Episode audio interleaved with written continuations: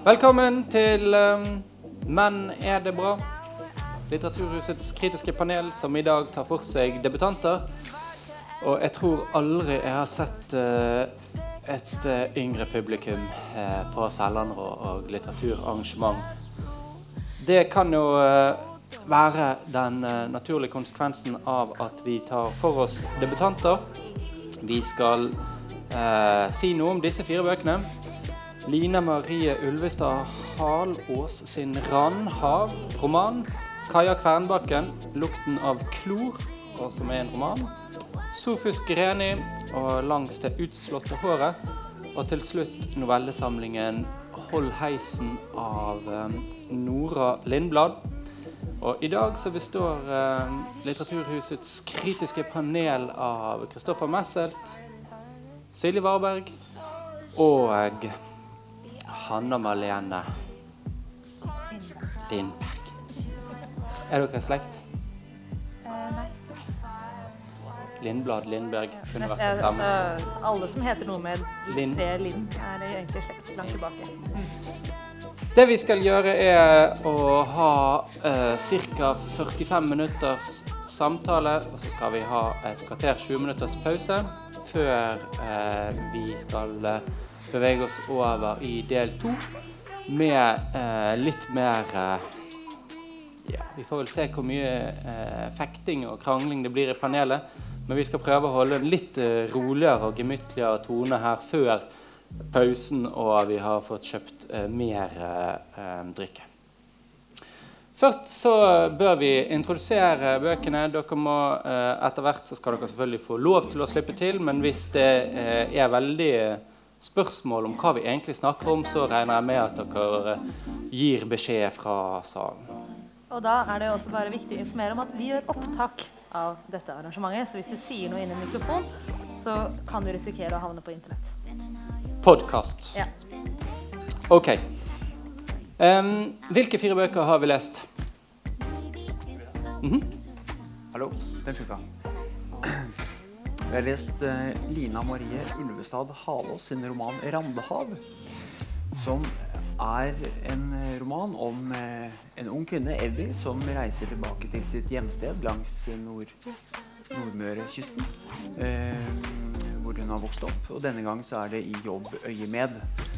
Det skal bygges på en strandtomt, og hun er der som en slags eh, økolog, eller jeg skjønte ikke helt arbeidstittelen hennes, men hun skal i hvert fall gjøre noen stedsundersøkelser. Eh, og når hun da kommer hjem, så viser det seg at det har vært eh, Hun har et anstrengt forhold til familien, og hun jobber da med å bearbeide dette forholdet, kan vi si. Det er også et ganske kjent topos, motiv i norsk nyere norsk litteratur. Det å vende tilbake til sitt hjemsted og oppleve at det, det, er ikke sånn som det var da jeg dro. Eh, forteller som gjerne har et prosjekt eller noe som skal ryddes opp i. Det kan vi si at Randhavn Randhavet er et rist rundt Randhavet. Mm. Så har vi lest eh, Sofus Grenis roman 'Langs det utslåtte håret'. Eh, og der er vi også eh, for så vidt eh, i et kjent motivområde. Her er det parforholdet det dreier seg om, og det er parforholdet som eh, det ikke går så bra for pga. sjalusi og eh, potensiell utroskap. Eh, det som er spesielt i denne romanen, her, er grepet, i særlig del én, der vi aldri får egentlig noen som helst uttalelser eller noe som gjør jeget synlig. Det er et jeg her, men det har gjort seg sjøl helt, helt usynlig for leseren. Så vi bare observerer Nora, som er kvinnen i dette forholdet. Og vi skjønner etter hvert at det er noen som observerer Nora, og at denne noen må være eh, personen som er i et forhold med henne. Men eh, han omtaler ikke seg sjøl som et jeg i del én. Det skjer bare i eh, del to i romanen. Der følger vi jeget etter at bruddet med Nora har blitt et eh, faktum. Og uh, følger vel egentlig litt gjennom kjærlighetssorgen og veien videre. Og så har vi også lest en bok av en som heter Kaja Kvernbakken, som heter 'Lukta av klor'. Um, Og der møter vi en som heter Mina, som sammen med sin lillebror Jo og sin far har flyttet til et nytt sted eh, litt lenger nord i landet. Og driver med svømming. Derav tittelen 'Lukta av klor'. Det er det hun eh, fyller dagene sine med. Hun eh, får også en ny trener der oppe i nord som liksom driver fram talentet. Så handler det nettopp da mye om svømming. Du får også mye tekniske detaljer om svømming. Veldig mye om svømmeregler. Jeg ante ikke hvor mange regler det fins i svømmeidretten, men det er veldig mange med sånn hvordan du kan snu og hvor langt under vann du kan svømme før du bryter overflaten igjen på andre siden. Så det er sikkert mange som vet det. Jeg visste det. Eh, men i tillegg til å få mye sånn teknisk informasjon om svømming, så har du også en bakgrunnshistorie som er denne familien til Mina som er ganske dysfunksjonell. Eh, denne lillebroren har i hvert fall ganske sterke autistiske trekk, og det går på en måte egentlig stadig dårligere, virker det som, eh, i denne familien, og særlig da forholdet mellom faren og sønnen, som jeg på starten tenkte at denne faren var ganske god til å ta vare på denne sønnen som er ganske krevende. Eh, til slutt så er han virkelig ikke god til å ta vare på verken sønnen eller Mina eh, i det hele tatt. Og så balanseres dette på en måte opp mot dette å være ung og hvordan man skal prøve å takle det, og det er kanskje mye gjennom å svømme hele uken lang. Yes. Siste bok ut er Nora Lindblad. Det er en eh, novellesamling bestående av um, tolv noveller. Med titler som 'Chanel', 'Under teltduken', 'Kjøttbollene', 'Det året', 'Tomt dokument', 'Stolthet', 'Pause', 'Den røde bilen', 'Sprøyte', 'Ferie', 'Festivalkjæreste' og 'Side om side'. Um, forlaget omtaler, eller på vaskeseddelen her, så kan vi lese Hun vil bli et ansvarlig menneske og legger ut Chanel-vesken til krone 50 000 på finn.no. Hun øvelseskjører med en rød Audi helt til det singler i glass. Hun er på festival inne i et telt med feil gutt i feil stilling da, slår, da det slår henne naturlig er et relativt begrep. Og så da fra en slags eh, fortolkning fra forlaget De unge menneskene vi møter i novellesamlingen 'Hold heisen' er utholdende, viljesterke, lengtende og kåte.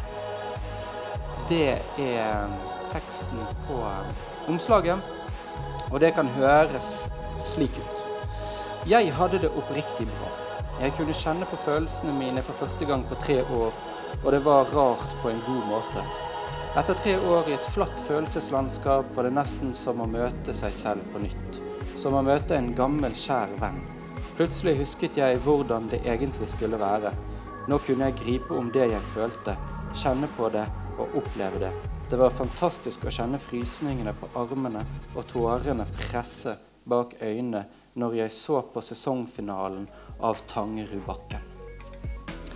Altså eh, en problemorientert novelle her som vi skal gå litt inn i, som heter 'Det året'. Men eh, vi skal forsøke å si noe Det er veldig vanskelig, men si noe samlende om det går an eh, å nå frem til det. På bakgrunn av disse fire debutantene. Hvor er norsk samtidslitteratur på vei med disse debutantene? Det må vi jo selvfølgelig nærme oss, men først og fremst så bør vi vel si noe mer om hva det faktisk er for noen bøker vi eh, har tatt for oss. Er det noen som er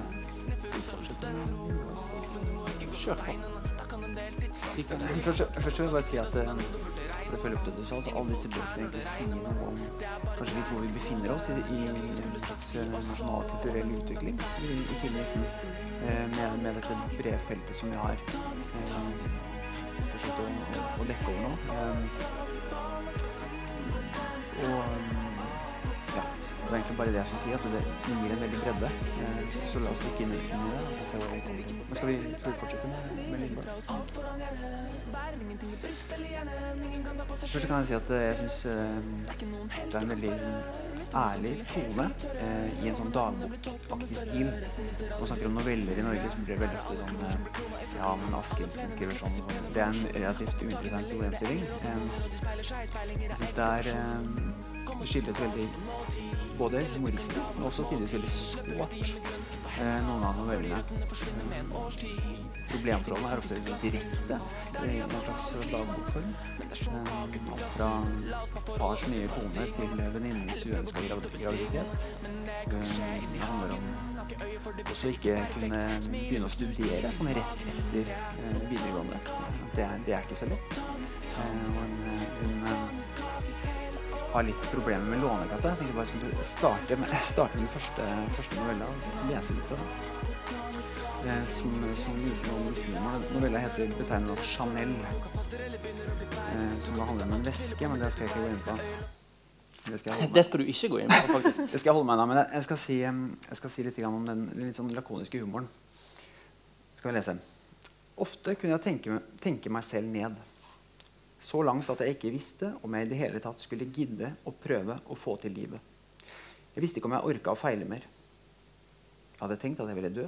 Ikke hver dag, men noen ganger. Andre ganger ønska jeg at andre folk skulle dø. Og så kom det alltid en ny dag med andre tanker. Det året hadde jeg også fått kjøpe meg min første leilighet. Da kunne jeg ikke lenger ta livet av meg. Og så går det videre. Og så litt eh, avbrekk, og så litt til. Så ringer hun til, eh, til sentralbordet i Lånekassa da, for, å, for, å, forklare sin eh, litt eh, brokete vei mot voksenlivet. Jeg hadde ringt sentralbordet i Lånekassa og grått. Først var jeg trist og ydmyk. Så ble jeg ufin. Sa ting som Er du dum, eller? Og du er så jævla tragisk i trynet. Det førte verken til noe positivt eller negativt. Jeg fikk fortsatt ikke støtte.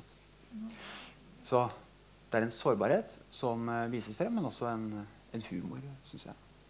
Men jeg tenker jo veldig, fordi nettopp det er som du sier, ja, det er, at det er litt sånn symptomatisk for uh, kanskje samtidig 2019, mye av det vi har, at det viser fram problemer man har. Og da tenker jeg at det viser jo veldig fram de ilandsproblemene vi har. Jeg synes jo, altså Hele denne novellesamlingen For det første så sier jo at den at de handler om de unge menneskene som vi møter i novellesamlingen. Og på starten så var jeg kjempehappy fordi jeg følte at det handlet om flere forskjellige mennesker. Vi har denne personen som skal selge Chanel-vesken sin, og så i den neste så er det en som er utro med kjæresten til venninna si, og så i den tredje så er det et barndomsminne. Og så går det litt mer over tid, og enda litt mer tid, og så skjønner du at alle novellene handler om den samme personen. Og den personen er Nora, fordi hun blir tiltatt som Nora på slutten i neste novelle. Og så i siste novelle så sier hun til bestemor at 'jeg har fått en bokavtale med Cappelen Dam'. Eh, de er jo veldig usympatiske, nesten alle disse menneskene i novellene. må Jeg si. Altså, sånn, er ikke enig. Synes ikke det? Jeg syns hun er kjempeusympatisk. Hun er, er, sitter her og har fått seg, kjøpt seg en leilighet i Oslo ved hjelp av pappa. Uh, hun må selge Chanel-vesken sin, som kostet 50 000 kroner. Nå får hun bare 30 000 for den, og hun får ikke støtte av Lånekassen fordi det har gått så mange år siden hun sluttet på videregående. Altså, det er ikke sympatisk. Det finnes ikke sympatisk, og det er sikkert reelle problemer, og hun har det fælt. Det er ikke det jeg sier. Altså, jeg, jeg er selv middelklassekvinne i verdens eh, rikeste land. Har hatt min skjerv av jeg synes, Eller jeg har min skjerv av synes verden er dritfæl. Jeg har det kjempevanskelig. Men jeg synes hun sutrer. Også, eller på en måte, jeg synes det var greit fram til jeg fant ut at jeg synes det var samme person. Og da synes jeg ikke det ga meg så mye lenger. For da er det liksom bare hvor mange forskjellige måter kan du legge fram forskjellige små problempunkter i livet ditt og synes at det er ille. Og jeg føler ikke at altså, ja, det er litt sånn dagboksform, og sånn, men jeg føler ikke at jeg lærer så veldig mye om norsk samtid av i dag. Bortsett fra at vi kanskje synes litt synd på selv og har veldig lyst til å bli forfattere. Ja, ja replikk. Ja. Det betyr replikk. Um, hvis jeg kan være litt sånn uh, Jeg er gjerne litt sober og dra meg ned, Fordi nå følte jeg meg veldig slem. Ja, men uh, litt, For å snakke deg litt imot, da, så jeg synes um, altså, Det gir innsikt i en, i, en, i en norsk hverdag som jeg ikke overhodet kan en skitt om. Altså, det er Netflix og Kardashians. Jeg vet ennå ikke hva det er for noe. Det er Chanel-væske, og, det er festivalliv. Altså, det er eh, Jeg syns det var befriende. Du er musiker. Du må jo vite hva som festivallivet har. Jo, jo, men eh, ikke teltet. Men, eh, eh, men, men jeg syns det var befriende å lese om. Altså, det, dette var bare litt sånn dette er ting jeg ikke kunne om. Jeg synes det var fint å lese. Og jeg skal bare skyte inn også, det, det er en veldig fin novelle her som heter 'Kjøttbollene' om en uh, syvendeklassing som uh, blir med slik man gjorde da man, man gikk på barneskolen. ble man noen, noen i klassen hjem. Og denne vennen som uh, fortelleren blir med hjem, har altså en helt annen oppvekst enn fortelleren har hatt. Det er, det er et kunstnerhjem, det er helt andre regler, det er helt annen mat. De kan tegne på veggene. Altså, det gjør noe med en, med en åtteåring. Eh, syvåring. Det syns jeg var veldig fint. Og det er kanskje, Jeg er enig at jeg, jeg synes den er en av de mer interessante. Nettopp også fordi den føles mindre selvsentrert. Kanskje det er noe med å ha den distansen til liksom, en barndom og til noe annet. Og kanskje også prøver å liksom, løfte blikket litt videre. Da. Men jeg syns veldig mange av de andre novellene er jo når hun har kommet kanskje seg opp i 20-årene. og jeg får- meg- Det er ikke sånn at jeg har levd som henne her. Jeg har aldri eh, fått eh, kjøpe leilighet via pappas penger eller hatt en Chanel-veske til 50 000 kroner. Men hun er ett år yngre enn meg, eh, og jeg tror jeg kjenner igjen veldig mye av liksom, den typen liv. Da. Det er liksom det sånn, sånn generisk studentliv à la 20 000 holdt vi, 2000? Herregud, hva er det man sier? 2000 er vi. 2000-tallet. Eller 2010-tallet. Så det er kanskje det at du fikk kanskje mer denne opplevelsen av noe nytt enn jeg fikk. Og da, da Jeg er ikke som Nora Lindblad, men det, Jeg er det er meg ikke så fremmed. Jeg er litt mellom dere her, for jeg syns også det var ganske friskt. Men jeg er også veldig enig med din vurdering. Hanne Malene. Og så nevner dere begge dagboksjangeren. At det minner om eh, dagboken. Jeg syns også det minnet om eh, terapisamtalen man har med en nær venninne i 20-årene etter en flaske rødvin. Når man liksom begynner å skal helt tilbake til barndommen og si noe om hva som gikk galt her i livet. For alt er veldig sånn etterpå-reflektert. da.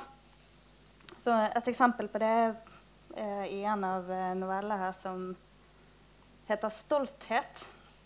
Der hun, sier hun blant at i ettertid så er det lettere å se at jeg egentlig bare trengte omsorg. Kanskje en klem. Jeg vil ikke legge for mye skyld på noen. Jeg trenger ingen syndebukk for diagnosen jeg har pådratt meg i årene etter skilsmissen. Det har uansett kostet dem dyrt. Både mamma og pappa.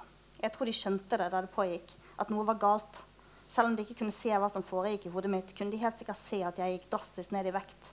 Det overrasket meg hvor lenge en far kunne unngå å nevne sin datters åpenbare psykiske problemer. Hvor lenge han kunne late som at det ikke fantes noen problemer. Jeg venter fortsatt. Han har sikkert hatt mye annet å tenke på. De har pusset opp hytten og vært på ferie. Men det her er liksom eh, Alt er liksom eh, sett fra nåtidsperspektivet, men man går tilbake igjen til det som gikk galt tidligere, til familierelasjonene, til eh, diagnosene, til legetimene. Og så er det veldig sånn etterpå innreflektert, syns jeg, da. Jeg må også innrømme For dette var den første av de fire bøkene vi leste, jeg leste. Da var jeg litt sånn Ja, ja. Det er en, det er en bok. Det er greit. liksom. Men så må jeg innrømme at etter at, jo, men altså, det, ikke, det, det er ikke en sånn bok jeg tror jeg kommer til å gå og tenke på veldig lenge. på en måte. Men den var veldig fin. Det er veldig lettlest. Noveller, jeg er veldig glad i noveller. Det er veldig greit å lese noveller på liksom, noen minutter og så legge den fra seg. så kan du gjøre noe annet. Eh, men etter å ha lest en del av de andre, så ble jeg jo mer positiv. Må jeg innrømme, for da så var jeg litt mer sånn Ja, ja, dette var på en måte, Dette er veien det går for kritikeren. Ja. At det, det, ja, det er liksom Det er helt greit. Men jeg synes på en måte ikke den gir Jeg synes den er veldig sånn generisk litteratur. Som er sånn vi skriver de som er rundt min alder. Det er veldig lett å, mm. for, eller, ikke, herregud, veldig lett å skrive sånn her. Det er veldig lett å sitte og si også. Eh, men Og Ja. hvis det handler om samme person i alle novellene, hvorfor er det ikke da en roman? Det ville jo vært en eh, mye dårligere roman enn det er en novellesamling. Den Sant. henger jo i så fall ikke sammen. Men selv om er gjenkjennelige eh, hovedkarakterer, så er det jo forskjell Altså det, det syns jeg ikke har noe, er noe problem at det, at det er samme person som går igjen i mange noveller. Det, for det er det jo helt åpenbart. Men det er vel det Hvis jeg forstår dere rett, så um, synes jeg at det, det er noe med observasjonsevnen som er veldig god eh, hos eh, Lindblad. Hun ser på en måte sin situasjon, eller den unge eh, jentens situasjon i et rikt eh, samfunn, og problemene hennes er reelle. Altså, jeg eh, er sympatisk innstilt overfor den eh, reelle problemstillingen at du har ingen penger, men du har en forbannet fet væske Som gir deg en voldsom eh, selvtillit bare fordi du tar på deg den vesken. Og du får blikk. Det har vi alle noen ting som gir oss noe fordi vi bærer de. Liksom, om det var den riktige T-skjorten, eller om det er det riktige merket, eller folk som går med den riktige klokken eh, så er det et symbol som gir deg noe. Og ikke nødvendigvis at alle gjenkjenner at det der er nok en ekte veske eller ikke, men du, du, du bærer det på deg. da. Og så selger hun den. Eh, og det er liksom velkommen til voksenlivet. Og det er velkommen eh, inn til eh, denne verden når vi leser denne romanen. Hvor vi må godta at liksom, ok, dette er faktisk en reell problemstilling. Mm. og det er det er, viktigste for hun er at hun, hun ser denne potensielle kjøperen og er den verd denne vesken. OK. Hun var ikke, en, hun var ikke fake. Hun, hun kan vi selge denne vesken til.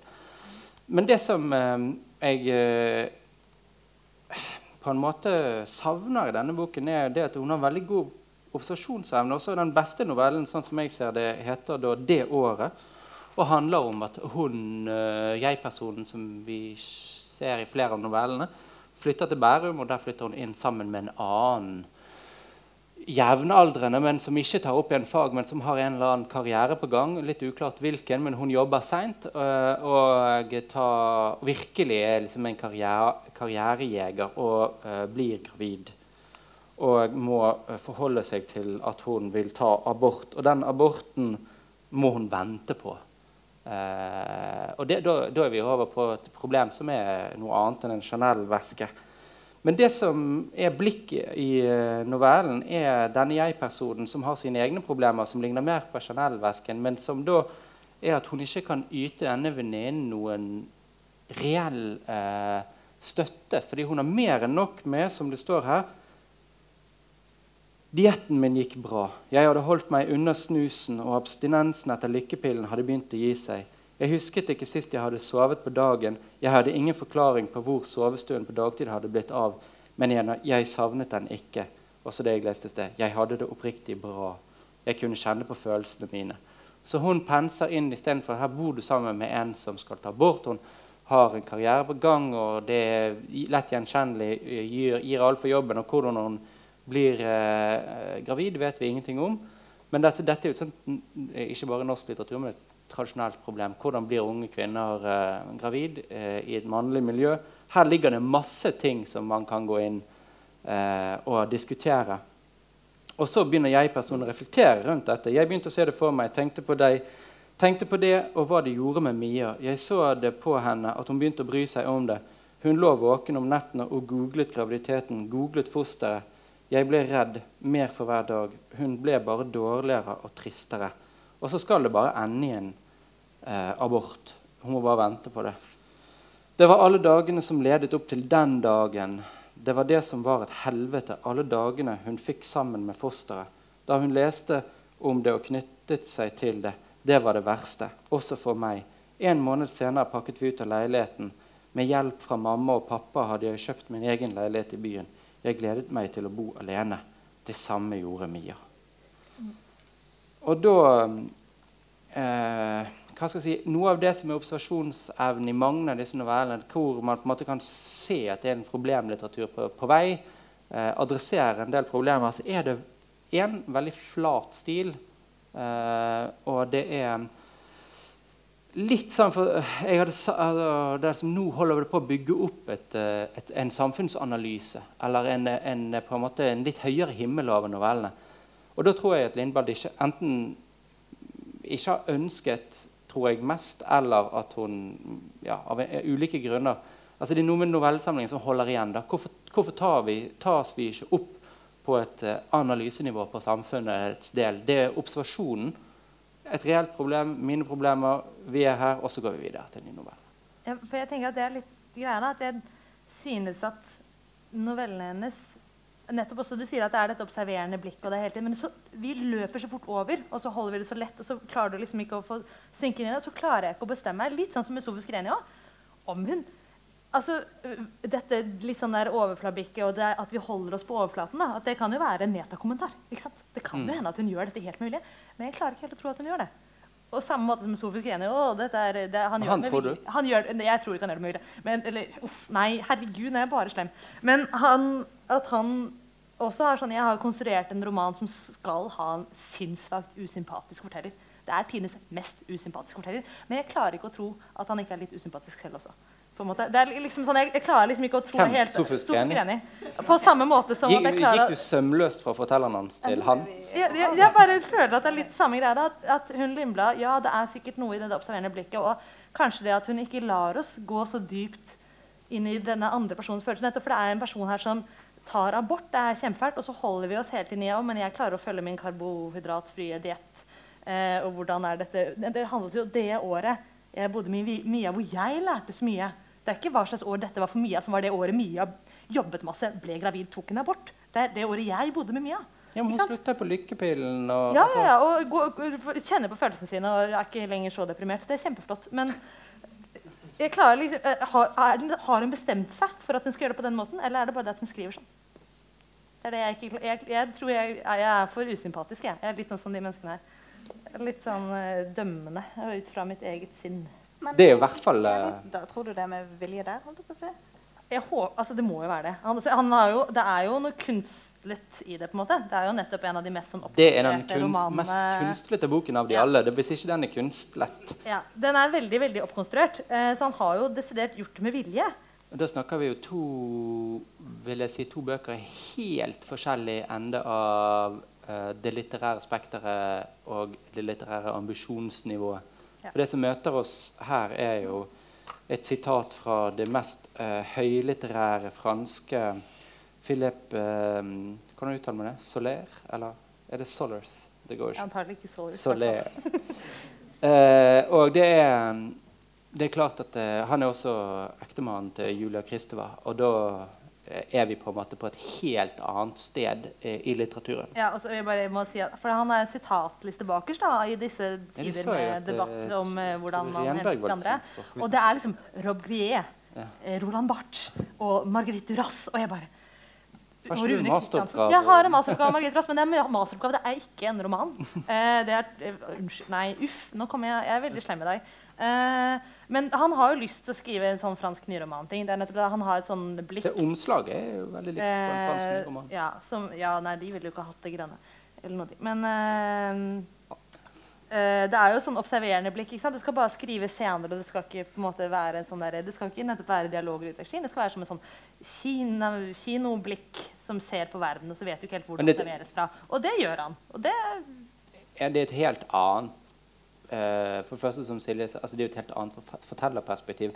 Men det er også noe med at eh, vi beveger oss fra dere sa eh, novelle Nei, eh, dagboksjangeren og eh, Du sa venninneterapisamtalen. Altså, det er noe med, altså, Nora Lindblad er noe sånt som selvfølgelig Man har masse, trekker masse gje- eh, kjen- gjenkjennelse fra sin egen ungdomstid, men også det å sitte på bussen og litt ufrivillig høre om samtalen som utspiller seg bak seg eh, om, en hel, om, en hver, om veldig hverdagslige ting. Det er også veldig hverdagslige ting som utspiller seg eh, i store deler av langs det utslåtte håret, men det er en, bare en helt annen litterær eh, referanseramme eh, og en helt annen stil. eh, og, og, og det gjør det jo til eh, mye mer eh, på en måte, det, er mye tydeligere litterær ambisjon i denne boken. For som dere har vært inne på eh, begge to nå, så er jo Sofus Greni en uh, Alit-gutt. For de som kjenner det begrepet. I samme sjanger som flink pike, men han studerer litteraturvitenskap og er en dyktig mann med en spesifikk klesstil. Ingenting Um, galt med de. og har referansene sine i orden. Og hos Greni kjenner vi jo igjen opptil flere referanser til som vi har nevnt her, Barth og Duras og den franske nyromanen osv. Så, videre. så han, eh, han har det på grep. Han har også et flott baksidebilde her der han røyker en sigarett i skikkelig James Dean-stil. Og så er- her er er han jo i godt selskap. Altså, dette er jo Karl Ove Knausgård og, og co. Det er mange Alit-gutter som har gjort det stort Robert i Kultur-Norge. Og det her òg har vi nok en framtidig kulturmann, eh, vil jeg tro.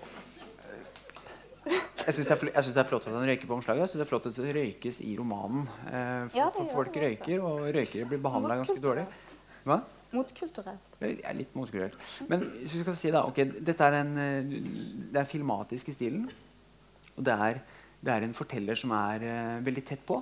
Så det er som sånn eh, romanteknisk kaller det for en intern tredjepersonsforteller. Deltar ikke i universet, men er med allikevel. Som gir oss helt sånn overblikk, og som du sa, skildrer denne Nora Um, Tittelen viser vel til Rob Gree, så vidt jeg, har skjønt. Uh, derfor gjør dette uh, romanen Man blir litt interessert da, i, i, disse grepene. Uh, og, og, som det er blitt nevnt, så er det et helt annet litterært ambisjonsnivå. Um, og i likhet med Rob Gree så dveles det også veldig ved detaljer. Vi som har studert litteraturvitenskap, vi måtte lese denne Rob Gré, som det refereres til, eller Rob Gré, eh, utga i 57 en roman som heter 'Sjalusi', som er sentral for denne romanen.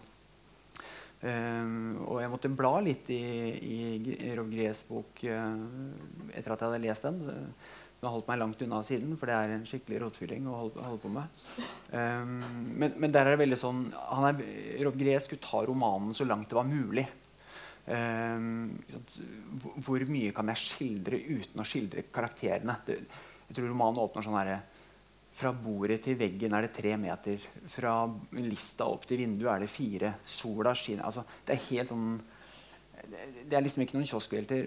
Og Greni tar det ikke, han, han, gjør det ikke akkurat på samme måten, men han dveler også veldig godt jeg synes han deler ganske godt ved detaljer. Um, jeg tenkte jeg bare skulle lese opp uh, fra begynnelsen. Um, på side På side ni, første side så, så, skjønner vi altså fort hvor det bærer. da. Når vi kan lese på den nederste avsiden at Nora flytter ut på samme måte som hun kom. Vi skjønner hvor dette ender. Stillferdig og ubemerket. I skuffen minsker det med klær. Nips forsvin forsvinner. Slike ting man ikke legger merke til før de er borte, som hårnålene i vinduskarmen, en flaske lavendelsjampo på flisene i dusjen, en hvit halvsokk bortgjemt bak sengebeinet, kun synlig fra kontorstolen.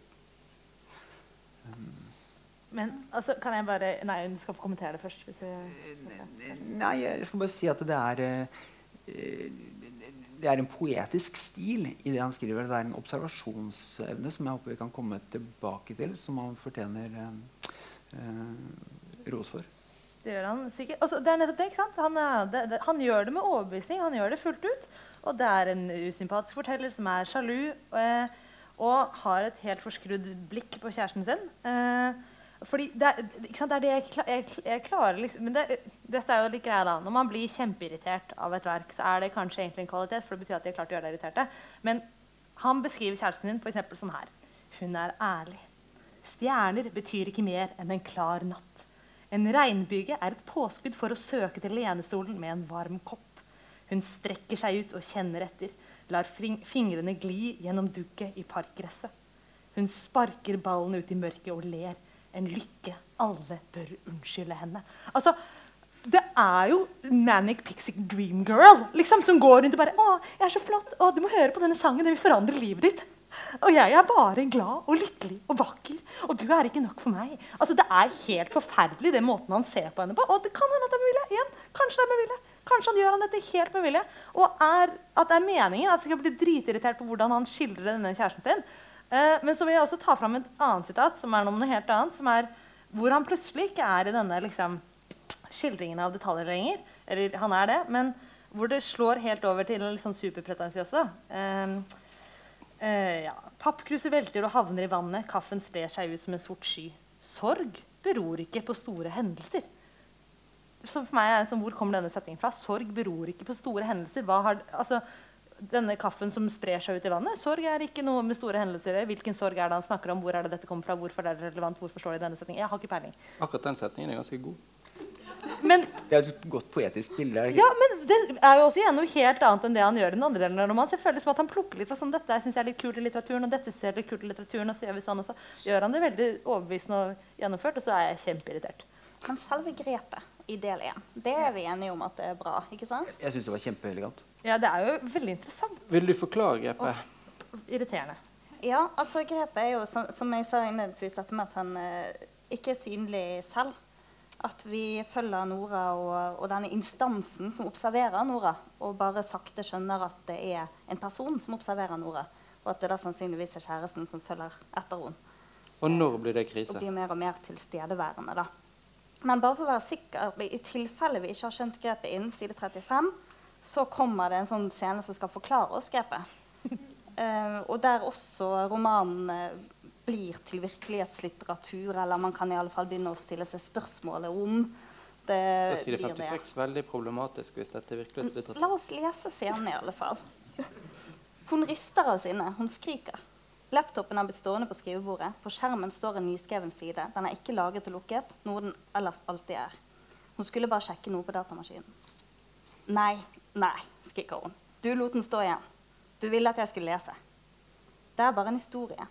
Nei, skriker hun. Det er ikke det. Det er meg du skriver om. Det er jo mitt navn. Hun strever frem og tilbake, stanser, slenger seg ned i kontorstolen og ler hånlig. Du er så jævlig barnslig. Hun ler av de intetsigende skildringene, hvor pinlig sentimentalt det er, hvor pinlig bruken av fremmedord er. Hun leser med mørk stemme og drar ut ordene. Hun vil at det skal gjøre vondt. Og så jævlig feig du er, sier hun og klapper datamaskinen sammen. Så jævlig feig du er, den måten du utelater deg sjøl på. Og hun har helt rett. Ja, hun har helt rett. Og, til og, med Eh, og det er det som er For her er Spot on.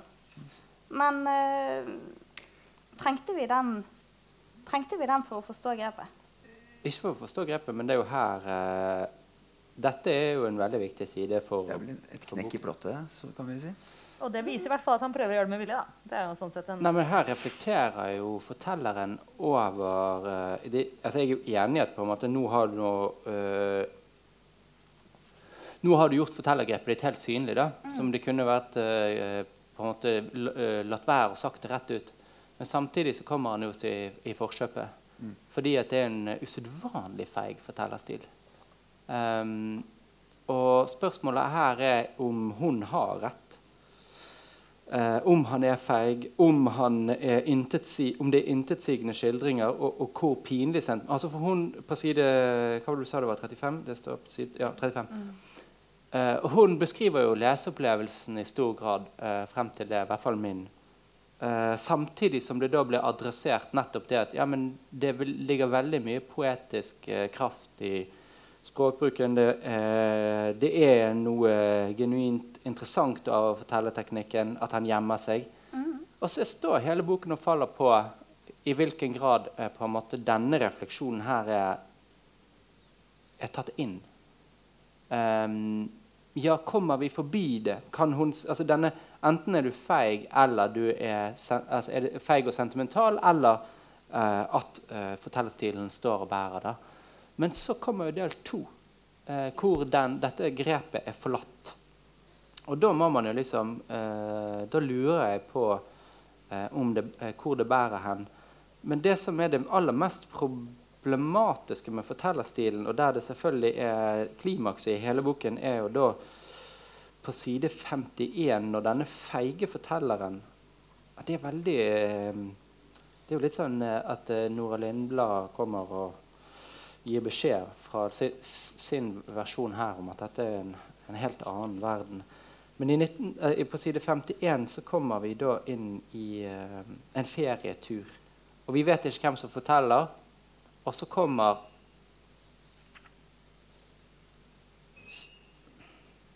Hva betyr dette? Det er noe som lukkes, jeg. Det er ikke noe farlig. Flott. Um, så kommer et grep som vi på en måte ikke forventer oss. Uh, alle sover. En forteller kan ikke si 'alle sover' med mindre den ikke er eh, utenfra. Altså alle sover. Ja, Hvem er det da som forteller? Hvem er det som gjør dette? I skjenken under TV-en står det en halv flaske gin. Ute på terrassen er det bekmørkt. Den blanke væsken helles i et kjøkkenglass. Hvem heller? Etter, tre store, etter tre store slurker er det tomt. Det fylles opp igjen. Vannsprederne skrur seg på. Strålen kuttes med raske hugg. Det er masse observasjoner, det er masse sansing. Eh, den siste resten av flasken tømmes. Hvem er det som tømmer? Hvem er det som gjør dette? Vi vet at eh, Nora er på ferie sammen med Øyvind, begjærsobjektet, som dette sjalusi er er problemet for fortelleren. Men vi vet ikke hvem det er. Altså, hvem all verden er som drikker den forbaskede flasken? I gangen utenfor soverommet er det like stille. Døren til Øyvind står på gløtt. Han ligger med siden på hodet over armen og spytt i munnviken. Han puster med åpen munn. Døren inn til Nora åpner seg uten et knirk. Skinnene er bleke i mørket. En muskel strekker seg langs halsen. En hånd skiller håret i pannen, osv. Lakenet løftes av. Hun våkner av tyngden som knebler henne. Leppene rører hverandre. Hun sprer beina. pikken glir opp og ned langs sprekken, og så er det overgrepet som skildres av en som vi da ikke vet hvem er. Nei, det er Alle det samme som resten av tiden. Selvfølgelig. Men vi vet jo ikke hvem eh, Fortellergrepet sier jo aldri 'jeg'. Eh, Så vi da skal ikke vite om det er den samme jeget som i del to, er det tenker jeg? Nei, ja, Det ser jo helt åpenbart ut til å være det, men vi er jo ikke kommet til i førstegangslesingen eh, til det jeget. Mm. Men det er jo der eh, romanen bygger seg opp i fortellergrepet til at det virkelig altså, eh, er klimakset med 'du er feig, du gjemmer deg bak Mm. denne fortellerskikkelsen'. Hvor det åpenbart er et eh, jeg eh, som forgriper seg på Nora. Og romanen slutter jo i en mye mer konvensjonell stil, da, i en del to hvor det er et jeg-fortelling. Og siste setning er Øyvind stryker henne lett over armen og sier 'ikke vær redd, han skal aldri få røre deg igjen'. Mm. Så det er åpenbart at dette, de, eh, denne fortelleren i del én, som er sjalu eh, og eh, forgriper seg, eh, mister kjæresten til Øyvind sånn som han har fryktet. Mm. Eh, og på side 36 så får vi altså beskjed om at Nora, som er den vi leser om hele tiden, og alt sentreres rundt, jeg mener at dette er et veldig feigt fortellergrep. Og jeg er veldig eh, ble veld, jeg ble overrasket over den siden. Og du sier vi, trengte vi den informasjonen. Men der kommer på en måte, der er det jo et, eh, en, lagt inn en intelligent side som sier oss eh, Jeg vet om kritikken din. Eh, jeg er klar over dette. Enten eh, jeg ser at det er både feigt og sentimentalt, og jeg ser at jeg, jeg er litt pompøs, jeg har alle referansene, men jeg gjør det likevel. Så spørsmålet, eh, Men så gjør han det ikke i del én, og det irriterte meg eh, veldig. Hva i all verden er det som skjer i del én? Kommer helt konvensjonell. Eh, Del to, mener du? Del to. Men han er jo like pretensiøs i del to, da. Det er han, selv om han ikke bruker det samme grepet. Han er jo, altså, var, poenget er at Der et, der har du plutselig et jeg som agerer som veldig tydelig ligner på fortelleren i del én. Eh, som er en sånn type fyr som går rundt altså Jeg blir provosert bare på en måte sånn hvor hipster det går an å være uten å på en måte kommentere det. Det er litt sånn derre Å, bestefars gamle sykkel som står i, i boden, den har sykt mange hull i dekket, og han lapper den. Istedenfor å liksom kjøpe en ny slange til sykkelen, så lapper han fuckings hele den sykkelen. Så tilhører er den bestefars inn. gamle sykkel. Det er veldig inn. Bestefars gamle sykkel. Han finner bestefars gamle jaktjakke som han går rundt i, og liksom reflekterer ingenting over at dette er det han gjør. Og så går han rundt i sitt gamle nam nav nabolag, og så møter han en som heter Helle, som skal ut i verden og danse. Ja, man blir jo litt nervøs for Helle da, hvis man Ja. tror at dette er samme person som i del én. Ja, ja, det, er noe, altså det Frode er inne på her, er jo hvor dypt problematisk det er når du har en, et, et grovt overgrep som blir begått av et jeg som ikke i det hele tatt peker på seg sjøl eller eksisterer. Men jeg synes jo Det det er ingen eh, det- innlevelse i hans uh, beveggrunner eller reaksjoner, eller i hennes for så vidt. Det bare skjer. Det er som om ting bare skjer Mm. med noen. Jo, men Det som er grepet her, er jo at eh, vi henledes nettopp på eh, fortellersituasjonen. Og det, en, det, det går ikke an å skrive en mer på en måte i, altså, 2019 går egentlig ikke an å skrive en sånn bok som heter Det mannlige blikket fra altså, Begjærsobjektet går gjennom hele boken. Det er mannens blikk på kvinnen. Hun heter til og med Nora. Ja. Og det er også liksom, ja, Greit vi liker Ibsen, men altså, hva er det du mener med denne Nora-referansen? Eh, er det fordi at hun er objektifisert? Altså, hele dette spillet med, eh, med, med vår internasjonalt mest kjente måtte, eh, kvinnefrigjørende tekst. Eh, og hun forlater også dukkehjemmet som denne jeg-personen lager rundt henne. Og det er hun som er, hun skal ut og trene, og hun spiser. Og, og hun har disse problemene som også Nora Lindblad. Hun er åpenbart og spiser ingenting, trener hele tiden. Han røyker og, og er litterær. Og? Det, er på en måte det er på, eh, klisjé av litt studenten har eh, en, en, en fremadstormende, intelligent dame som skal gjøre mange ting. Men går det an å skrive en så eh, mannlig fokusert bok når du er født i 1994 i dag? Nei, det gjør jo ikke det. Det er jo helt opplagt at det ikke går an. Så, så hva er det han driver med? Han innreflekterer nettopp det at dette her er et helt utrolig feigt prosjekt. Og hva gjør det? Altså Der ligger det jo eh, Og anmeldere har vært opptatt av at dette er en ambisiøs bok. Eh, Klassekampens anmelder faller ned på at det liksom Jeg ser spillet ditt, men det gir meg ingenting. Du, du, du, du havner likevel som den der mannen som bare ser kvinnen. Eh, mens Dagbladets anmelder mener at vi kommer over i eh, det, det, andre. Og for min del er det liksom hva, jeg, jeg, hva er det du er ute etter?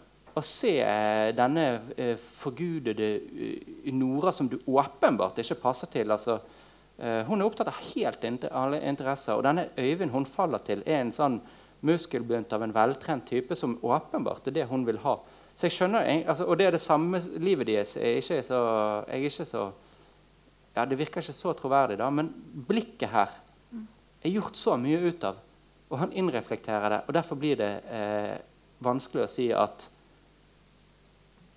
Ja så alt står og faller egentlig på den beskrivelsen på side 35? Det, for min del gjør det du. Eh, gir du oss noe her, eller er det, er det bare liksom en, en kom, Kommer han over det mannlige blikket på begjærsobjektet, sjalu og altså Kom igjen, og nå selvfølgelig, Hvor mange har ikke vært sjalu og forelsket, og, og kvinnen drifter av gårde og du får, altså, hva er det som skjer i det her uh, fortellergrepet? Jeg er veldig usikker på om det lykkes eller ikke. Men det står og faller på om det lykkes eller ikke. Del e, to er mye svakere pga. at det grepet er forlatt. Mm.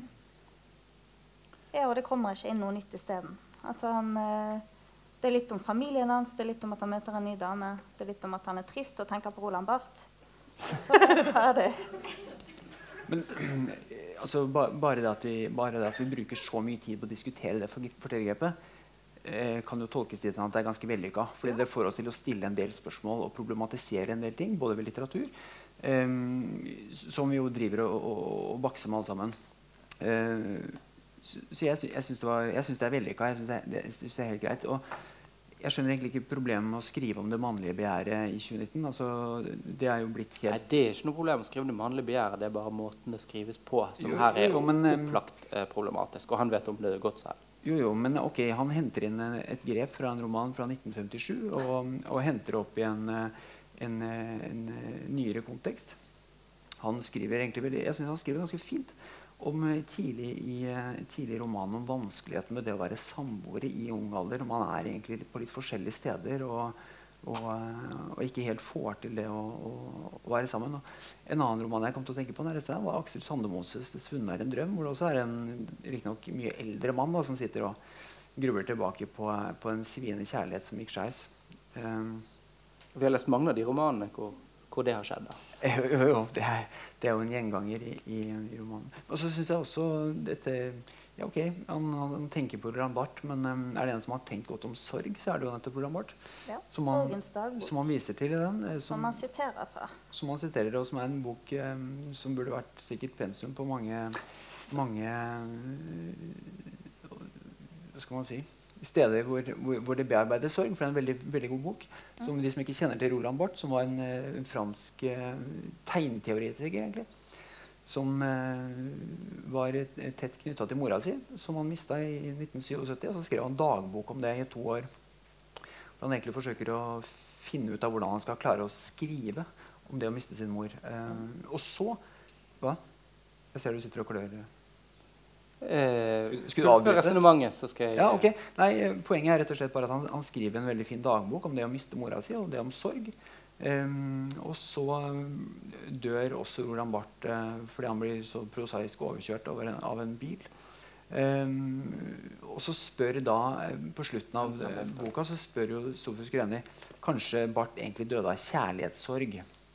Um, så jeg syns boka stiller noen spør gode spørsmål om, om kjærlighetssorg. kan du si det? Det må også være lov å si til en sånn roman når dere har skjelt den ut eh, såpass. Nei, men det har vi jo ikke. Vi har, vi har diskutert fortellergrepet og om uh, det står og faller på det. Men uh, morsroller uh, og mer kjærlighet, men også det å være knyttet til sin mor og familien, tror jeg vi skal vende tilbake igjen med de to siste bøkene etter vi har hatt en kvarters pause. Uh, fylle opp glassene, ser det trengs. Og så tar vi og melder oss på igjen om ca. et kvarter. Ja, ok.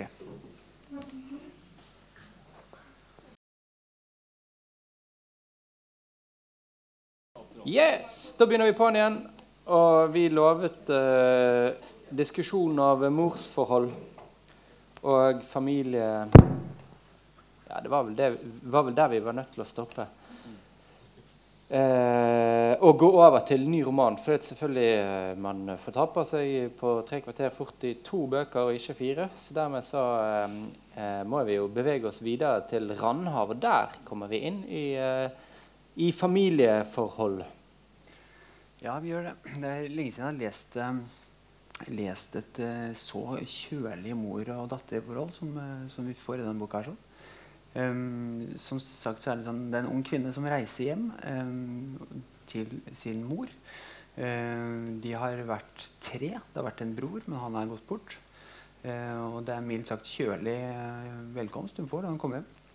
Uh, det er jo ikke noe sånn hei og velkommen eller uh, Det er så vidt en hånd som strekkes ut uh, på slutten, men det kan vi jo komme tilbake til. Um, Men Er det ikke litt sånn det er å komme hjem, da? Man bare glir inn i hverdagen. og De har liksom bare hverdagsutvekslinger. Men det er jo det eneste det er belegg for å ha sånn på det nivået som ikke handler om at hun tenker på at broren er død hele tiden. kanskje. Hun er jo bare hjemme på ferie og lager seg frokost og spiser. og Hun er ikke på ferie heller, hun er på jobb. Men eh, jeg har heller ikke dype samtaler med min mor hver, hver morgen når jeg er hjemme på, hjemme på ferie. Det, jeg forsto det ikke som veldig kjølig. Ja, Jeg tenkte bare det okay. var Jeg også tenkte kanskje ikke at det, var, at det nødvendigvis var så kjølig, men det er veldig sånn um, folkelig pragmatisk på et vis. Ja, ja, vi har uh, hatt noen kamper i livet, men vi snakker ikke om de. Uh, jeg hjelper deg med alt du trenger hjelp til.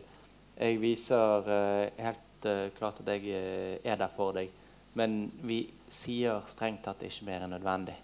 Eh, det, gjør det, det gjør jo disse personene virkelig ikke. Men det er denne økologen som skal eh, hjem for å skrive en rapport fordi det skal bygges et Eller Museum. det er på trappene at man skal bygge et eh, museum. Og så i, i vår tid så er da en økolog plassert for å undersøke denne tomten, museumstomten, og i hvilken grad den skulle romme noen eh, økologiske eh, bestander som er truet. Eh, det fatter en journalist eh, interesse for, og hun bor hos sin mor mens hun skal skrive denne rapporten. Um, og så er det møte med, med hjemmet som kjennetegner. Og her også er vi jo, som hos Sofus Greni, uh, enten offer for, eller i hvert fall i kloene på et fortellergrep, uh, som det uh, annonseres i første setning med referansen. Det er noen sider i tegneserien Watchmen jeg stadig vender tilbake til. Etter en ulykke på laboratoriet hvor han arbeider, blir dr. Jonathan Osterman omskapt til den udødelige dr. Manhattan, og i sin nye form kan han se hele sitt evigvarende liv utfolde seg samtidig. Slik er også hans historie, oppstykket i episoder uten lineære strukturer. Det finnes ingen fremtid, ingen fortid, ingen nåtid. Det er denne følelsen av samtidighet jeg kjenner når jeg kommer tilbake til bygda jeg vokste opp i. Alt oppleves like selvfølgelig som det var da jeg bodde der. Det er jo en vidunderlig åpning, eh, og det er eh, akkurat det som denne romanen gjør. Nemlig en opplevelse av samtidighet som hun henter fra tegneserien 'Watchmen'. Eh, og eh, skal man si noe positivt om denne boken, så er det at det er en eh, utrolig elegant veksling i tid. Eh, og det er eh, nesten bemerkelsesverdig elegant overgang mellom nåtid og fortid. Eh, og hvordan de flettes inn i hverandre, som jeg synes eh, Selvfølgelig også, du, du må lese et par ganger, men når, det, når skjer dette? Skjer dette nå? Eller er det en eh, situasjon sammen med broren før han døde? Eh, eller er det en fantasi om at broren fortsatt er til stede? Når er vi i tid? Eh, hvor, altså, det, er, det er bare Gud som ser alt samtidig. Eh, bortsett fra Dr. Manhattan, selvfølgelig. Eh, men også denne, eh, no, altså, denne fortelleren forsøker på dette fortellergrepet, som er også som Sofus Greni veldig ambisiøst. Og når det lykkes, så eh, er det en veldig eh, elegant forteller eh, vi møter i, i denne boken, syns jeg. Og, det, og, der knyttes nemlig eh, morsforholdet med Det er jo en grunn til at det er kjølig. Det er en grunn til at det liksom er konkret og handlingsrettet. Det er at denne eh, damen eller økologen som vender hjem, har da en eh, bror som eh, har forsvunnet ut i bølgene i raumatisme. Eh, I hvert fall pga. en sykdom. Så en eller annen morgen så, så hun at han sto i døråpningen, og at han gikk derfra og gjorde Hun gjorde ingenting, og et par dager etterpå så kommer det en politibetjent og sier at nå avslutter de eh, søket. Skal vi gi noen eksempler på de tidsvekslingene? Uh, Syns jeg du skal. Det er et par ganske elegante episoder. En hvor hun er eh, ja, forholdsvis tidlig i romanen, på side 42. Så står Evy i, kjelleren til der, så, så sier hun sitat Jeg får øye på et av brors malerier i speilet. Det henger på veggen bak meg. Jeg snur meg, går bort til det. Det er et bilde av havet. Jeg legger merke til noe rødbrunt mellom de blå og grønne bølgene. Bror maler. Han stryker seg gjennom håret. Et hårstrå løsner, faller, størkner sammen med malingen. Jeg bøyer meg nærmere, helt inntil lerretet. Hårstrå stikker så vidt ut i enden. Jeg får tak i det mellom pekefingeren og tommelen. Det skiller seg lett fra malingen. Tar litt av den med seg og etterlater et tynt kutt i overflaten av maleriet. Jeg syns det var en veldig fin observasjon. Men et, om, om, et, om, et, sår som ikke vil gro, hvis man vil være poetisk. Jeg, jeg tenkte jeg skulle snike inn en ting mens jeg først har ordet. Ja. Men kan jeg, kan jeg Det er masse ord. Du skal fortsette. Men hvis vi bare fortsetter Fortsett. det sitatet du leste bitte litt, så får vi det andre store grepet til, uh, til Halås her. For etter at hun har plukket løs dette håret fra maleriet og tenkt litt på broren sin, så kommer jeg går inn på badet og løfter dosetet, slipper hårstrået ned i skålen før jeg skyller ned. Suset fra ørene er voldsomt. En bevegelse ute i gangen gjør at jeg skal ta til og snur meg. Mor ser på meg. Adrenalin gjør vondt i årene. Og det er alt, alt som gjøres her, må beskrives. Det er at dolokket løftes, og at noe slippes nedi, og at det trekkes ned. Og sånn er det med absolutt alt. Det er fra poteten løftes opp av skuffen til han blir skrelt, til han blir fortært.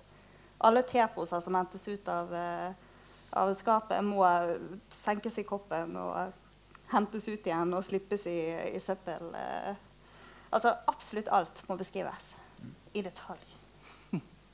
Men uh, selve tidsnivåene er veldig fine. Du kan få gi et eksempel til. Nei, jeg, jeg, jeg bifaller det. Det er, eh, det er, kanskje litt for mye skildringer i, i romanen. Det kan vi komme tilbake til.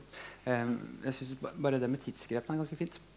En, en annen episode hvor hun dette er en slags uh, bearbeiding av dette med at broren har forsvunnet. Og, uh, vi får en episode hvor hun har gått på hjemstedets bibliotek.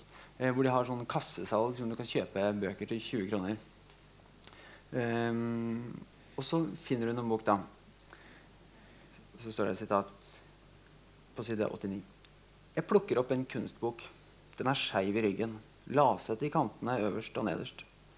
Jeg åpner og blar i den. En av sidene er revet ut. Jeg drar fingeren over det brutte papiret. Jeg er elleve år. Bror kommer inn til meg der jeg sitter på gulvet på rommet mitt og tegner tegneserier. Han er andpusten. Han rekker meg et ark med et bilde av et maleri. En jente som, som, som sitter naken med ryggen til. Den lyser rosa huden. Klærne i uryddige folder på gulvet rundt henne. Jeg rev den ut av en av bøkene på biblioteket, sier han. Gestikulerer mens han forteller. Knytter neven. Rykker den til seg. Rett ut! Det er da denne boka hun da finner igjen. Jeg synes det var litt fint. Men akkurat det syns jeg sånn, For de eksemplene du tok fram da, det handler om disse tidshoppene. For det handler om noe som er nåtid og datid. Men det med den malerigreia, hvor hun, da føler jeg at hun ser for seg broren maler. Det er ikke noe hun har sett selv. Og dette også, så er det sånn, akkurat den der, den der med den siden i boka da kjente jeg at jeg ble litt irritert. For jeg var liksom, dette er så utrolig sånn og denne ene boka jeg tilfeldigvis plukker opp på biblioteket når jeg er hjemme på hjemstedet mitt 20 år etterpå, liksom, den er den boka som min bror drev ut et bilde av da jeg var liten. Uh, og det, jeg synes ikke, måte, hvis, jo, hvis vi snakker om at det er så flott tidskonstruksjon, det syns jeg ikke er flotte tidskonstruksjoner. Men uh, for å ta en positiv en, så er det et annet sted hvor jeg nettopp synes at det som er interessant, er de overgangene hun har som ikke handler om at det er den samme tingen som kommenteres i fortid og nåtid, men hvor du på en måte bare hopper over. Så da er vi inne i side 79. em, hvor de har vært ute i hagen og laget kjøkken. De lager kjøkkenhage i hagen hun og moren, som jeg syns har et helt fint forhold. må Jeg også innrømme. Jeg synes de har det helt greit sammen. De, gjør, det- de er hverdagslige. De lager mat, og de holder på. De sier ikke 'jeg elsker deg' hver dag. De Liksom. står ved siden av hverandre og hakker. Ja, de da har de en, en felles opplevelse at nå hakker vi. Ja, de har, hun har spurt liksom- kan du hjelpe meg med kjøkkenhagen, og så ser hun at hun jobber ut. Ja, hun kommer ut med en hake, hjelper til med en hake. Men ja, eh, Så prøver hun å spise en gammel gulrot, moren. da. Hun tar en bit, ansiktet hennes fortrekker seg, jeg ler. Mor kaster gulroten fra seg i åkeren, ser utover den vendte jorda. Ja ja, sier hun, snart vokser det nye. Hun løfter hånden, vifter til seg krafsen. Jeg retter meg opp og gir den til henne. Hendene mine er brune av jord. Jeg skal bare vaske meg, sier jeg. Hun nikker, svinger begge krafsene over skulderen. Skaftene faller til ro. Jeg går inn i vinterhagen, inn i stuen, stryker hånden over bordet med den heklede duken. Bror ligger i sofaen, den tunge kroppen på putene, han ser på TV. Altså, for der har vi nettopp den. Hun har gått fra hagen hvor hun står og jobber med sin mor, går inn i vinterhagen, der sitter broren som har vært død i mange mange år. Og så Er det igjen dette, er dette et tilbakeblikk, er dette en drøm, er dette noe hun forestiller seg? Så hvis vi skal snakke om at det er et godt grep, da, så syns jeg det kommer til syne mye mer her enn et sånn jeg, en, jeg fant en bok på biblioteket som Bror revet en side av, for det synes jeg er litt for overdrevet. Det synes jeg ikke er fint eller elegant. Det synes jeg er litt sånn derre Dette er ladet og tungt med mening, og det er så mye historie i veggene når du kommer hjem. Typ følelse. Og så er det denne broren som alltid er til stede. Da. Det er sikkert en sånn følelse av det, fordi han er der jo hele tiden. Hun er jo kjempeopptatt av ham, og det skjønner jeg godt, fordi hun så ham gå ut i natten en morgen da hun, eller en natt da hun var 13, våkner, ser broren stå i døren fra vinterhagen, går ut, eh, våkner dagen etter og sier egentlig ingenting. Eller hun sier vel at, at hun så broren gå ut, men kanskje ikke helt hvilket tidspunkt det er på. Og så viser det seg at han er på en måte borte. Og etter hvert blir erklært død, for han kommer aldri tilbake. Så det er sikkert en eller annen skyldfølelse eller et eller annet i bånn der. Som selvfølgelig en sånn forsvinnelse som egentlig aldri flott, eh, det er en veldig flott beskrivelse av hans sykdom. Da. For Mm. han kan ikke være med. Uh, han kan ikke det, og han har en eller annen kjæreste som hun møter. og sånn. Men det, det er jo eh, også med denne boken hva, Hvor er vi på vei? Hva er på en måte det overliggende eh, hva, er, Hvilken himmel skrives dette under? Hvor skal vi med denne historien om på en måte sorg, tap eh, og det å vende hjem? Altså, det, er jo, det er jo mye her som kan sies om det at alle unge reiser fra bygd til by, blir økologer, kommer tilbake igjen og, prøver å få i stand det gamle livet og, føler en voldsom avstand fra der man kommer fra. og- Altså, mange temaer, men hvor er det vi skal hen i denne boken? Eh, hva er det denne Watchman og de elegante overgangene eh, eh, og familiehistorien hvor, hvor er vi på vei? Og disse postapokalyptiske uh, innspillene også. er det du noe å si om det? Hva er det pop... Er det den hvalen som er stranda, liksom? Nei, jeg tenkte på dette, dette det er en sånn, Jeg skrev The Road flere steder i margen. Altså sånn, eh, hvor det har eh, tydeligvis gått ganske Det har vært en storbrann, sånt, nå, og det er ikke så mange mennesker igjen. Det er hun og hun, Er ikke det bare Bygde-Norge da, som forfaller, og så er det bensinstasjonene som har blitt tom, og der er det, eller der skjer det ingenting? Altså, det er jo bare Nei, Folk har flyttet er- derfra. Forfall. Det er Og en postapokalypse. Er det det? Oi, jeg bare tenkte at dette var sånn der, også husene som oversvømmes, og her går det nedover med Bygde-Norge. Jeg tenkte, men det var... går, det er vel på et eller annet tidspunkt om det, denne jeg-personen går inn i det som har vært en butikk, ta, øh, og som alle varene står Ja, i, det er sant den, ja. Det hadde jeg glemt. eh, med en hund, Ja. og forsyner seg av hyllene, eh, og går på tur. Men skjer, jeg trodde det var en drøm, jeg. Ja, Kan det tenkte jeg jo at det var en dagdrøm. Men det er jo på eh, det, er det er i hvert fall mot en bakgrunn av at her er det ingenting, ingen andre enn meg-aktig. så det, jeg så også en anmelder var opptatt av at det var en postapokalyptisk. ja. Men jeg, for jeg tenker mer sånn at sånn, det innstikket der Det er ikke så mye det, men det er også et sted hvor, det, hvor hun snakker om et sånn skip som har vært strandet Ja. et sted på 1700-tallet. Og sånn, og så har hun også noen sånn stikk til noen forlatte hus som jeg tror hun går inn alene eller med broren sin. Eh, og så ser hun på sånn, de tingene de har forlatt. som ligger der. Ja, og alle de sånn innsiktene, og egentlig også Watchmen. Greia, Jeg vet ikke helt hva jeg syns alle liksom, de avstikkerne hennes gjør. Jeg skjønner ikke alltid helt hvor, sånn Watchmen er en veldig sånn forklaring på at dette er det grepet jeg gjør i romanen. som jeg tror hun hadde klart seg helt fint uten. Jeg skjønner hva de gjør uten at du sier at i Watchmen så ser han hele livet sitt samtidig. Eh, som jeg, og Kanskje fordi jeg ikke har lest Watchmen, så det gir meg liksom ingenting. Og så har hun disse sånn La meg skildre dette skipet som gikk på grunn et eller annet sted en gang for lenge siden, og mannskapet hadde forsvunnet. Og forresten så er det noen hus her borte som er forlatt av familien sine. Så, jeg, sånn som du spør da, Hvor skal vi? Jeg skjønner ikke at vi skal noen steder. I hvert fall ikke med de innstikkene. Jeg skjønner ikke hva de tilfører mannen, hva de gir av driv. Og jeg tror nesten det hadde vært renere hvis den hadde vært helt stillestående uten det. Hvis du hadde bare rensket det helt ned seg. Som dette er kanskje litt sånn treigt og trått og liksom dette er universet vi er i, og du skal ikke nødvendigvis få inn masse annet. Jeg skjønner ikke at det gjør det noe bedre, men jeg synes jo også det var litt kjedelig. da. Jeg, jeg, jeg tror jeg må bifalle at jeg syns kanskje ikke alle de innspillene fungerer særlig godt. Skjønner ikke helt, uh, hele greia med det, men, uh, men, jeg tror vi bare konstaterer at uh, det er der. Og det er en tendens i, i egentlig flere av bøkene vi har lest, også i Kaja Kvernbakkens bok, så er det også noen sånne faktaoppramsinger. Men de er knyttet til historien med, for det handler jo om sånn hvor dyp marinegropen er. Og sånn, og det har å gjøre med at faren hennes er dykker i Nordsjøen eller har vært dykker i Nordsjøen. eller et eller annet. Der beveget vi oss over ja. til en ny roman. ja, okay, var, ja. ja, men jeg er for så vidt helt uh, enig i akkurat det. Altså, det er et sånt grep som flere av disse bruker. Som, uh, disse små sånne leksikonartikler. Mm. Som uh, dukker opp innimellom med faktainformasjon. Det er jo veldig veldig rart. Altså, skal man tenke inn mediesituasjonen vår, så sitter vi jo hele tiden og googler. Og Wikipedia er alt vi lurer på. Så at uh, vi leser en Wikipedia-artikkel i disse bøkene. Men det er samtidig altså Jeg syns det har vært en veldig sympatisk ting med flere, flere skjønnlitterære verk. Jeg synes det er veldig interessant. At, altså, sånn, en av mine store kjærligheter i verden er jo Amalie Smith, som er en danske som også er kunstner. Og hun har hele tiden sånne oppramsinger i sine romaner eller sine tekster. det er ikke hennes romaner engang, som handler nettopp om det virkelige. som Hun beskriver Grønland. er på klassetur med Grønland, Hun beskriver veinettet.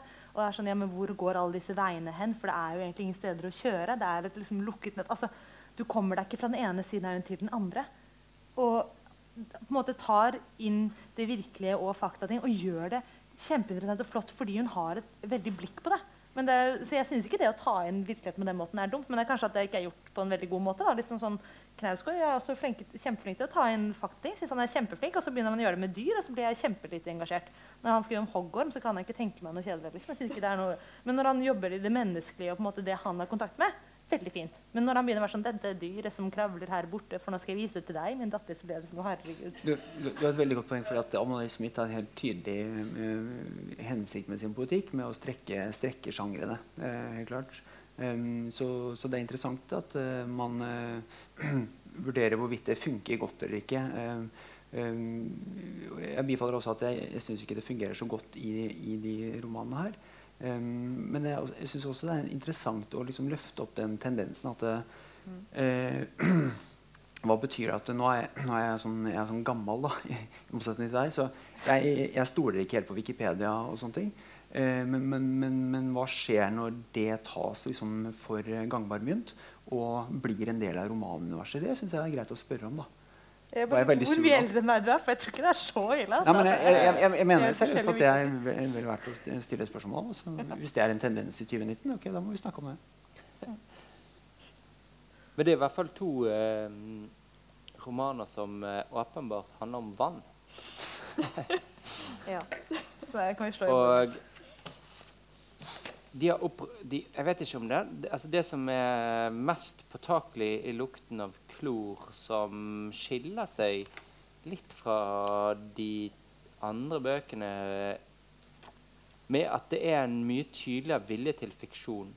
Uh, og Det har vært masse diskusjoner selvfølgelig, som alle hele tiden vender tilbake til selvfiksjon, hva man ellers skal kalle det.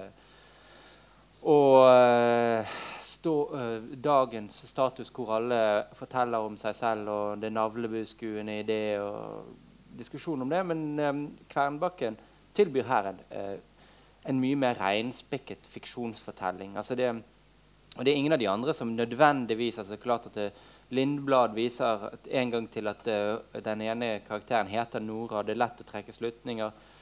Uh, du tok opp uh, liksom med 'Langs det utslåtte håret', en selvfiksjon. Randehav ok, det er en økolog, men det er noen ganger man ikke tror på den økologen. Altså, økologen som reiser hjem og skal uh, undersøke og skrive en, selvfølgelig skrive en rapport, vil kanskje ikke ta ut, få moren til å hjelpe seg til å lage en skrivestue i vinterhagen for å ha de mest inspirerende forhold å lese denne, og skrive denne rapporten på. Man får på en måte et slags inntrykk her av at dette er en litt dårlig forkledt forfatter som skal sitte i for vinterhage og føle inspirasjonen av hjemmet. Eh, mens her hos eh, Kvernbakken så møter vi en svømmer.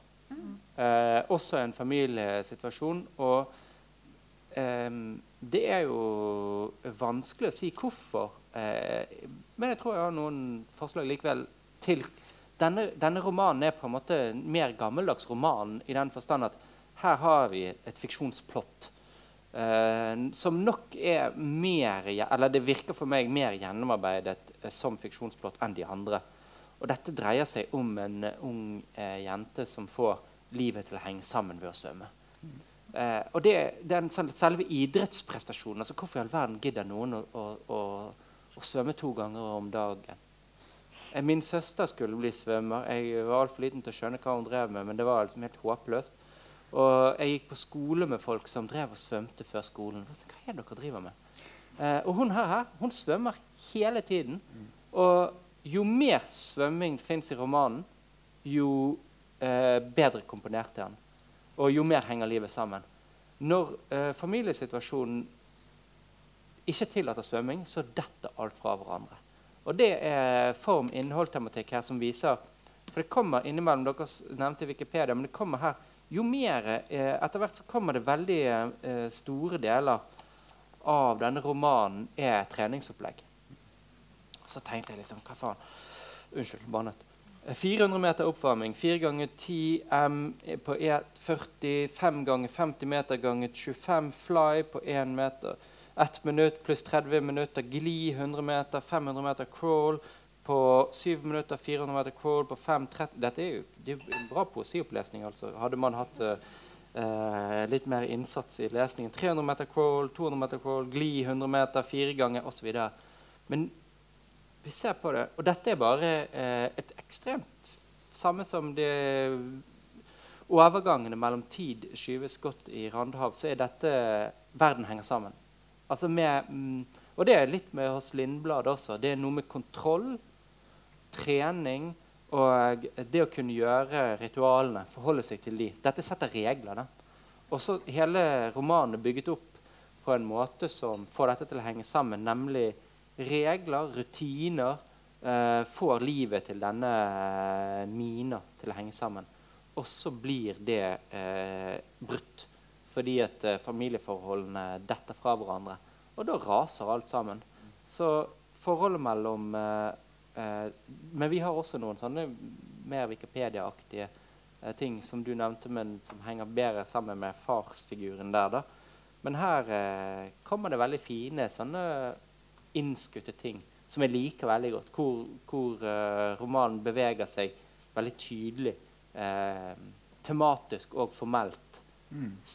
Det er kneppet sammen. Jeg vil peke på at det er ikke liksom bare det at det er en kontrast mellom at når hun svømmer, så har hun kontroll, mens hjemme så blir det stadig vanskeligere da, med dette med faren og broren som tydeligvis er autismespekteret. Eller det, det, er vanskelig å ta seg av den broren. Altså, Men det er, også, det er, også, en utvikling med svømmingen selv, da.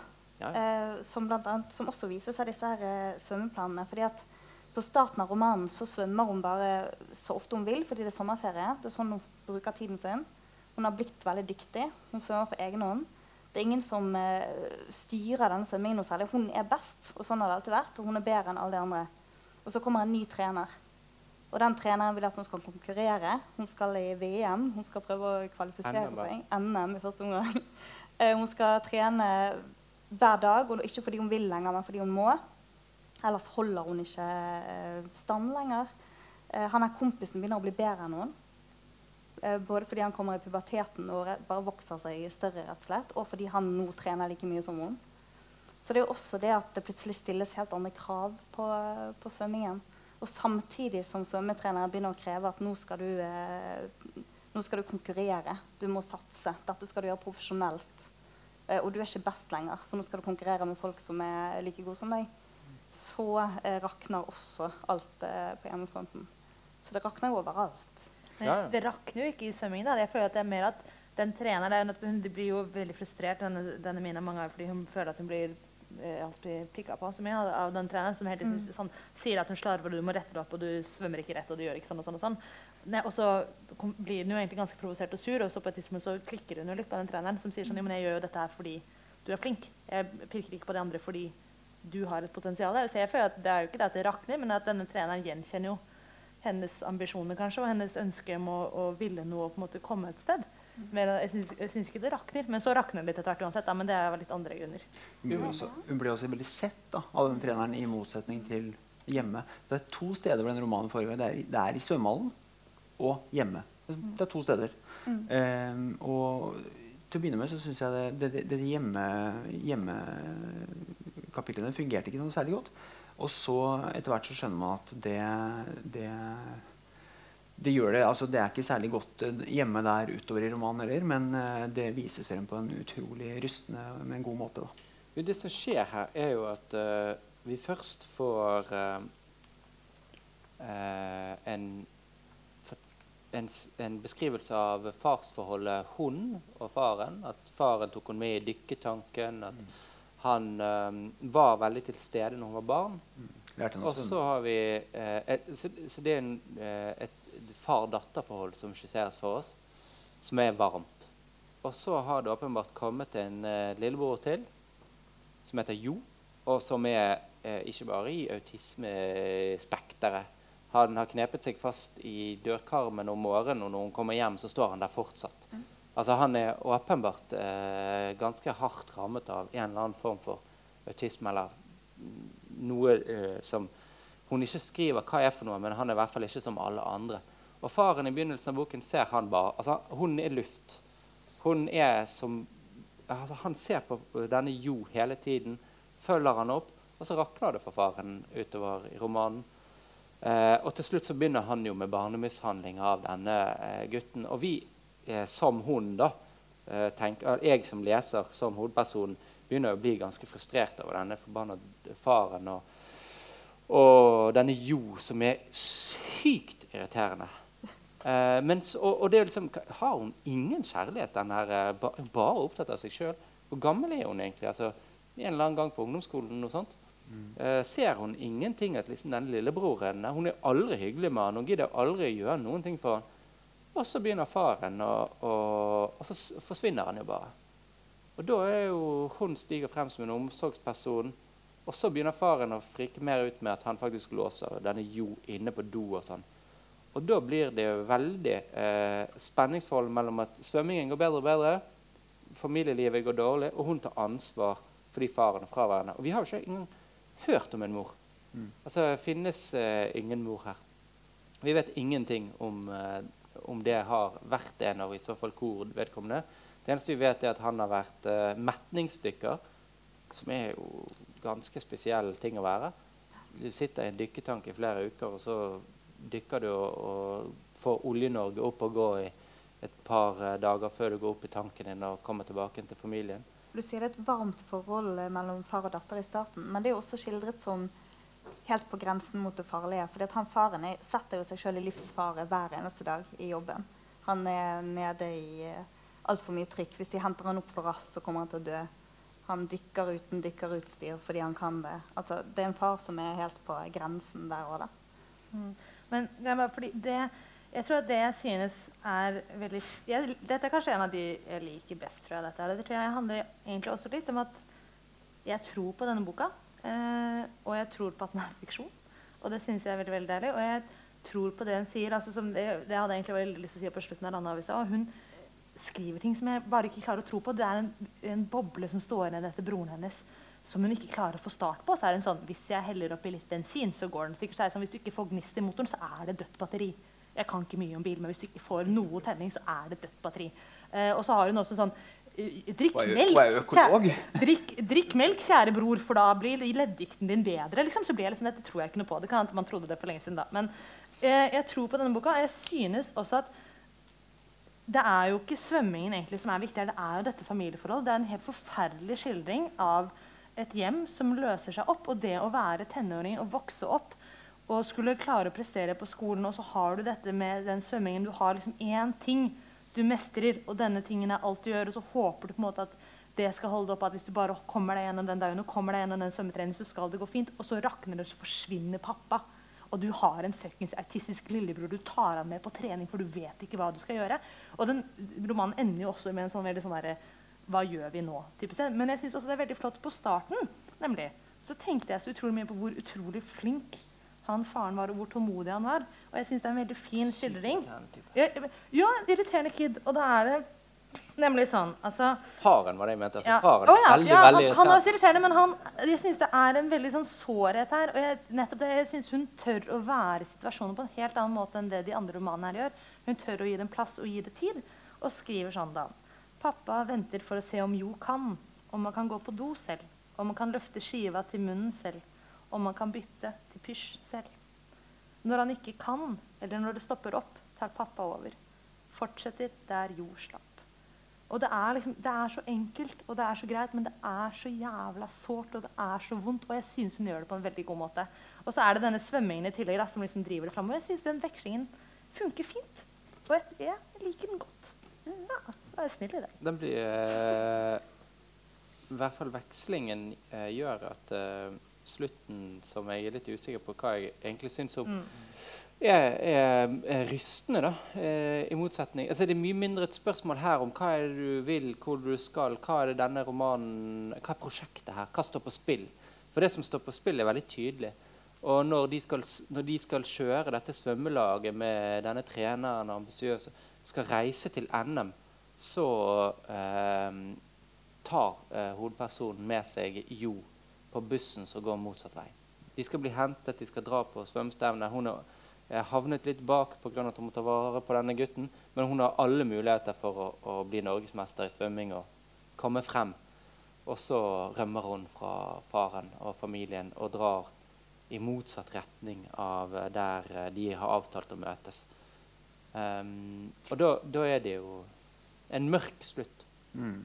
Jeg syns det er et veldig godt grep. at dette, er, dette såret det, det utbroderes ikke, men det, er liksom, det, det, vises brukkvis frem. At faren blir dårligere og dårligere. Og, og øh, hun må ta seg mer og mer av denne lillebroren, som hun ikke er så veldig begeistra for. som vi skjønte i begynnelsen. Jeg syns hun virker ikke ubegeistra for ham i det hele tatt. Jeg. Jeg synes ikke at det, det er jo bare det at Han er jo selvfølgelig en drittirriterende. Det er dritslitsomt. Han eh, tar all oppmerksomheten til faren og klarer ikke å spise maten sin aleine. Men det betyr jo ikke at hun ikke elsker ham. Liksom. Jeg synes ikke at det er noe sånn der, jeg liker deg ikke. Det er bare en helt nøktern skildring av hvordan du må forholde deg til en så autistisk lillebror for å komme deg gjennom dagen. Da. Mm. Du kan ikke sitte der og tenke 'jeg er så glad i deg', og det gjør meg så vondt at du ikke klarer å spise frokosten din sjøl hver jævla dag. Når valget står der, så Nei, da, altså- det. Men Nei, så tar det- på han. For faren gjør jo eh, Han øver jo vold på denne gutten. Mm. Og, og det, det, det som jeg satt igjen med spørsmålet, liksom, hva gjør det med en, hva gjør det med en, eh, en tenåring? Eh, at, eh, at, eh, at hun må ta lederrollen i en familie hvor, eh, hvor faren som, som bare svikter. Eh, det, det, er liksom, det er et stort spørsmål, men det er veldig, mm, som vi vet, present i norsk virkelighet i dag. Eh, så, så det spørsmålet satt jeg veldig igjen med. Og så, da kom jeg til å tenke på den første novella fra Nora Lindblad, som vi snakka om. Eh, hun som ringte til Lånekassa og skjelte ut. Som ikke hadde hatt muligheten til å eh, følge liksom, et vanlig studieforløp fordi det var litt sykdom. Altså, noen ganger så kommer livet litt i veien, da. og det er ikke alle som får de samme mulighetene. Jeg syns, jeg syns kanskje Kvernbakkens slutt eh, gir en god peiler på, på en sånn artikulering. Så vi snakket uh, Ble veldig alvorlig nå? Ja, jo, men jeg syns det er fint, for den er alvorlig.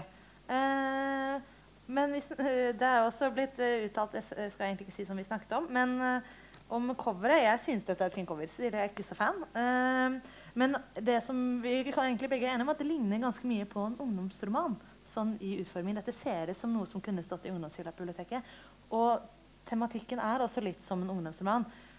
Og ungdomsromaner tar som regel opp jævlig vanskelige ting. Det er liksom det Vi skriver ungdomsromaner, og så skriver vi om altså Det går ofte jækla dårlig. Det er veldig sjelden det går så bra i ungdomsromaner. Folk har det vanskelig fordi det er vanskelig å være ung. Det er vanskelig å vokse opp og prøve å finne sin egen plass i livet, og det er hardt.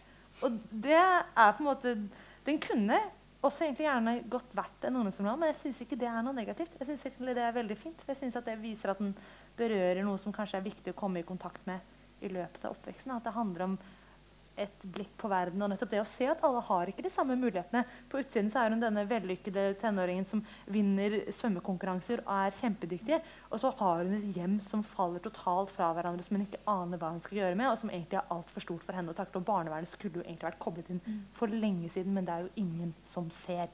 Kjempeviktig. Treneren, treneren ser, men hun vil ikke ta det imot. Ja, nei, hun vet ikke. Ja, altså Begynner å se, kanskje. Har kanskje ikke kommet helt dit ennå. Men, men det er også veldig godt. da, at det, å ta imot, altså Hvordan skal en 12-13-åring vite hvordan man skal ta imot hjelp? ikke sant? Mm. Syns det er flott. Den er også veldig uh, gjennomkomponert, syns jeg. Her uh, stoler jeg på at alle elementene er med av en grunn. Mm.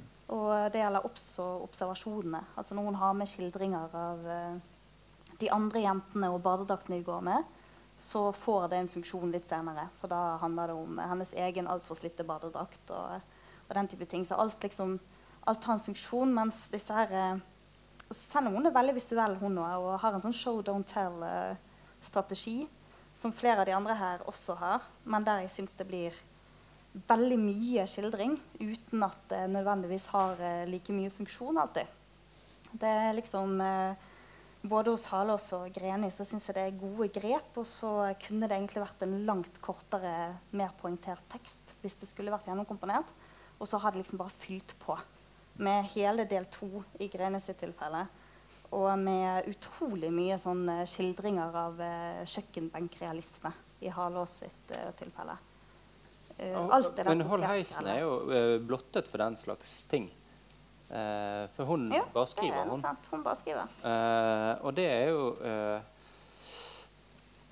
det, det, det, på en måte Selv om det, det, virker litt søkt å trekke seg veldig mange paralleller mellom noen av disse bøkene, så er det klart at Hold Heisen trekker frem manglende foreldre. Og hva i all verden er det, hva er det foreldre, hva er det foreldre som driver med? Uh, denne eh, jenten som vi møter i de novellene, har jo helt eh, det, det, eneste som står om moren, er at hun jobber masse. Og at hun, det, det, er rikelig med penger, virker det som. Men hun har ingen omsorgspersoner der og da, bortsett fra når hun øvelseskjører og det går, rimelig, altså går skikkelig dårlig når hun kjører rett ut i veien og blir påkjørt. Uh, der også, men, men, der er det én ting som du holder frem. For det, det er klart når, Hvis du leser veldig mye uh, litteratur og, og, og, leser og underviser og holder på med, med det beste skrevet i norsk samtids, eller med, i norsk tradisjon, så er det på en måte å lese Hold heisen var litt sånn Hvor, uh, hvor var det litterære liksom, referansene her? Så var det sånn Jeg er usikker. Det, det, dels, og det som jeg, blir, jeg fikk helt sånn um, hva skal jeg si, En sånn sjokkartet opplevelse med å måtte ta på alvor Postgirobyggets idyll, som jeg vokste opp med. det må du ikke ta på alvor. Nei, men det, det, det, er jo en litterær referanse i denne boken som jeg ble helt sånn sjokkert over at det kunne bli tatt på alvor. Og så tenkte jeg, etter hvert når jeg leste de som du sier, da, med Randhav og det langste langst utslåtte håret Herregud, så deilig med en bok som faktisk skriver bare eh, uten disse tilgjorte eh, litterære universene som man er nødt til å forholde seg til. For, altså, eh, jeg er litterært skolert, jeg har lang utdannelse. Jeg, jeg, klart du tar, mange, du tar mange av referansene. Så er det deilig med å møte en bok som bare altså, Jeg forholder meg ikke til det litterære. Men det er selvfølgelig også svakheten her. da. Mm. Men den har eh, noe som eh, er en parallell til 'Lukten av klor', nemlig at også hun som det skrives om her, i mange novellene, har en skiskytterbakgrunn. Og Norge, dag er det ski, altså nå er det ski-VM. Altså, det sitter en hel haug med nordmenn som prøver å bli verdensmestere i ski. Det finnes eh, lite litteratur om folk som kaster bort livet sitt på idrett.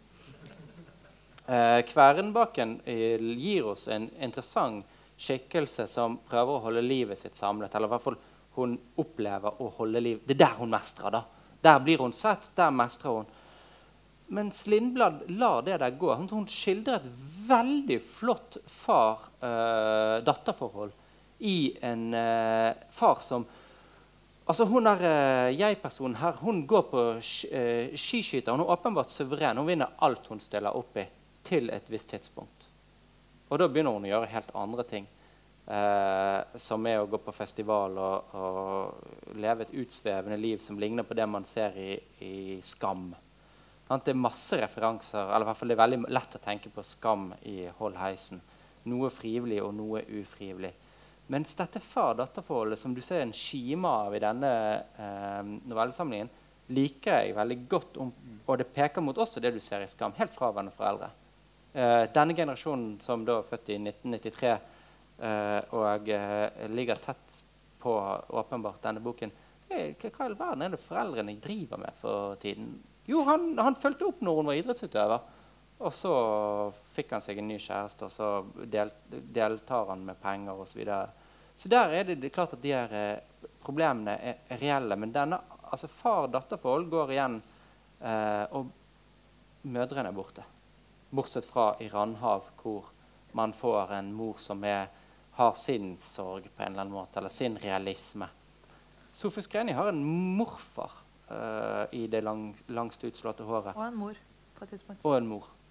Uh, mens ellers er familieforholdene sånn ganske uh, Det kjennetegnes, hvis man skulle prøve å si noe mer generelt, i hvert fall av disse fire bøkene, synes jeg jo det, det kjennetegnes av en eller annen form for fraværenhet av uh, den oppvoksende Eller av den, den foreldregenerasjonen. Men jeg tenker jo litt at det handler om hvilken tids- eller aldersspenn altså sånn, Grunnen til at Nora Lindblads skiskytterfar er der masse, fordi det er fram til du er sånn hva da? Du går på ungdomsskolen. Jeg drev også med idrett fram til jeg gikk ut ungdomsskolen.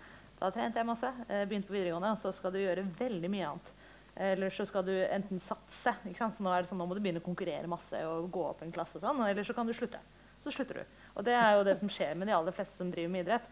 Bortsett fra hun i 'Lukten av klor', da. Som... Ja, nei, for lukten av klor. Jeg tenker at hun fortsatt går på ungdomsskolen, eventuelt har så vidt begynt på videregående. går på videregående. Da kan du fortsatt holde på med idrett. Eh, og så satse, og så kommer du til å slutte om noen år. Og så flytter du på hybel, og så blir du student, og så er du i min aldersgruppe, og så har du stadig mindre Har du en venninne som uh, må ta abort? Og så nei, nei men så har du ikke så mye altså, Jeg tror de årene i mitt liv jeg har hatt minst mine foreldre å gjøre, er årene mellom jeg var da 20 og 25. Nå begynner det å bli litt mer igjen. Du fikk bare en sjekk inn på konto? Ja, ikke helt. Men uh, det, det, er jo noe med tidsrommet som skyldes like mye som at jeg tenker at det er fra, liksom, for vår generasjon. Og så handler det om at vi skal Vi har jo blitt oppdratt på at vi tror vi skal klare oss alene. Da. Kanskje litt for mye iblant. At man tror at man ikke skal ringe hjem. Da spilte liksom foreldrene mer rolle, lurer jeg på. Ja. Jeg synes jo det, Foreldrene her er liksom eh, De er jo egentlig ganske mye til stede.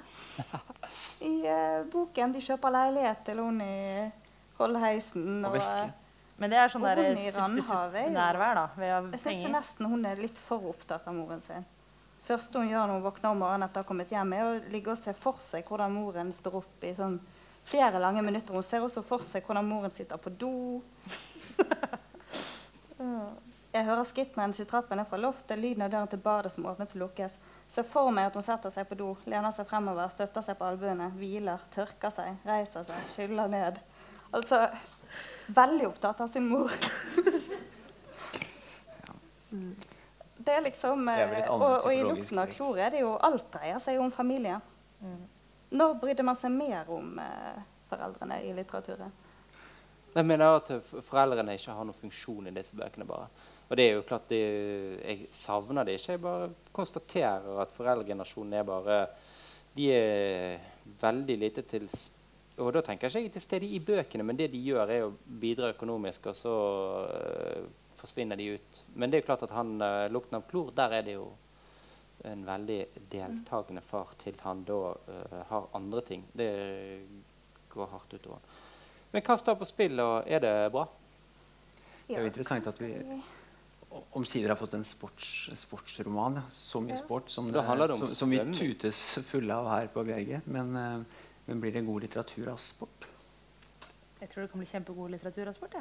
Mm. Det handler jo om disiplin. og det, altså det er jo en helt, altså nettopp Man lukker seg inn i sin egen lille verden og har sånn, alle de reglene som fins i svømming. Da. Det er jo en, hver sport er en egen virkelighet. Det, selvfølgelig kan det bli god litteratur av det. det er kjempe, altså, altså, jeg, har jo, jeg har fortsatt ikke lest disse, da, men min første sånn oppvåkning av hva nesten litteratur var, var at min far lå og leste VM i fotball bøkene til Solstad og Michelet og lo så det gjallet. Og han hater fotball. Eller ikke hater, men har virkelig ikke noe sånn Jeg har aldri sett på fotball i min oppvekst. Eh, og da skjønte jeg at det fins måter å beskrive verden på som ikke nødvendigvis eh, handler om verden. Eller jeg vet ikke hvordan jeg skal si det. Som, herregud, selvfølgelig kan bli god litteratur av sport. Det blir kjempegod litteratur av svømming. Men eh, det er jo ikke skjønnlitteratur, da. Disse Nei, men det, dette er skjønnlitteratur, da. 'Lukta av klor' er skjønnlitteratur. Jack London skriver om masse folk som jakter. Bokser, ja. Det er også god litteratur. Jeg vet ikke. Kanskje. kan Skal vi rangere? Skal vi ha noe Nei, det håper jeg ikke. Vi trenger ikke å rangere, gjør vi det? Skal vi si hva vi likte best? Jeg liker du det, ja. Ja. Liker du ingen? Det er mye bra. Vi kommer sikkert til å høre mer fra flere av disse. Vi må ikke, må ikke ta oss på alvor i alvor negativitet. eh, Må man vel? Altså, Jeg spår i alle fall at vi kommer til å se mer til Greni. Ja, Det er jo helt klart. Selvfølgelig. Ja, han har lyst til å bli forfatter, i hvert fall. Altså, Hvis du har lyst lenge nok, så tror jeg du får det til. Unnskyld, nå? Ikke Jeg, jeg synes det altså, jeg, Både Greni og Lindblad finner jeg eh, som veldig usympatiske fortellere. Jeg håper for guds skyld at det er gjort med vilje. Eh, I så fall så ligger det en veldig sånn litterær vilje, og jeg håper de kan investere den viljen også i noe annet som går vekk fra å skildre 20-åriges liv i 2019, for det synes jeg er interessant. Altså, det, jeg tror på at det fins et håndverk der. Jeg tror det fins en drivkraft, og jeg håper at de bruker den på noe annet enn seg selv. Eh, Kaja Kvernbakken synes jeg har skrevet en kjempefin roman fordi jeg synes den faktisk er viktig. Jeg synes den skildrer noe viktig, og jeg synes nettopp at det er god fiksjon. Det gjorde meg utrolig letta. Eh, Randehav er litt kjedelig. Eh, det er liksom litt det jeg føler jeg sitter igjen er litt sånn, ja, Hva skal vi med dette her? Men det kan igjen, altså det er debutant. Det er absolutt, det er noe der. Det kan hende at det utvikler seg og blir spennende. Så det er, jeg er glad for at jeg leser det. Nå kan jeg følge med neste gang og så se hvordan det går. Det var min eh, dom. Nei, Det, det kule er at det står 2019 på alle kolofonsidene, og alle er debutanter. Det er, kjennes privilegert å kunne lese. Mm, jeg tror kanskje den jeg syns var, eh, var er vanskelig å si det, Kaja Kvernbakkens bok er nok den beste. Uh, vil jeg si. Og så er Sofus Grenis bok uh, var også fin å lese. Uh, og jeg hadde stor glede av å lese disse novellene til Nora Lindblad, som tok meg med i en verden som jeg ikke kunne et kvekk om, men som jeg syntes var helt topp. Du syns den verden var helt topp, faktisk? Ja. Så- verden jeg vil ha på mer enn en armlengdes avstand. Altså, den ungdomstiden der, den uh, I den grad jeg har vært en del av den verden, så er jeg veldig glad for at den ligger langt tilbake. At jeg er blitt en uh, ja. jeg, jeg har ikke hatt den ungdomstiden. Jeg Jeg hatt en annen ungdomstid. Så. Og det, det er derfor vi leser. Vi leser fordi vi kan kjenne oss igjen. Og får få liksom erfaringer og vokse på artikuleringer av det. Eller vi kan lese noe som vi overhodet ikke kan et kvekk om, og vokse like godt på det. Så jeg syns vi har fått en god, god vekt eh, på begge sider. Jeg hadde fått en firhjuling av besteforeldrene mine det året. Bare en liten en, en for barn. Jeg kjørte den rundt, ned på jordet og inn i skogen. Jeg hadde med en matboks og drikke på bagasjebrettet. Noen ganger kunne jeg ha med mat til pappa også, som jeg kjørte og leverte til han i traktoren. I skogen var det deilig.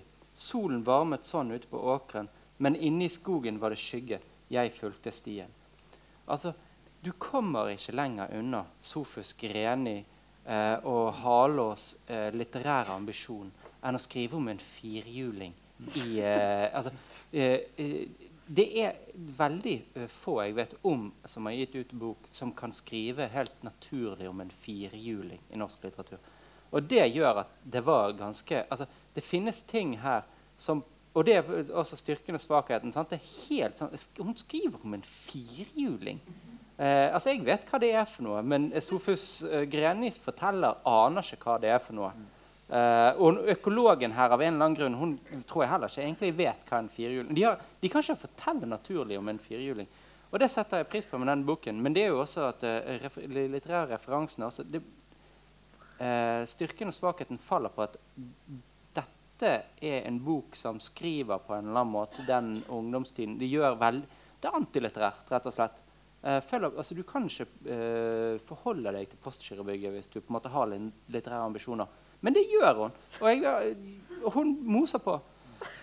Eh, og på det beste er den eh, full av observasjoner. Men det er klart at den eh, hvis du skulle sammenligne deg med noe, så er det Ing, altså, eller sånn som jeg skulle sammenligne det med, så er det Ingvild eh, Rishøi og vinternoveller som har en overbygning eh, hvor du har en eh, helt annen hva skal man si, samfunnsinteresse å spore. Du kan jo ikke, jeg bare si, du kan ikke si Nora Lindblad og Ingvild Rishøy. Altså. Det er to forskjellige menn. Det er jo veldig, begge deler.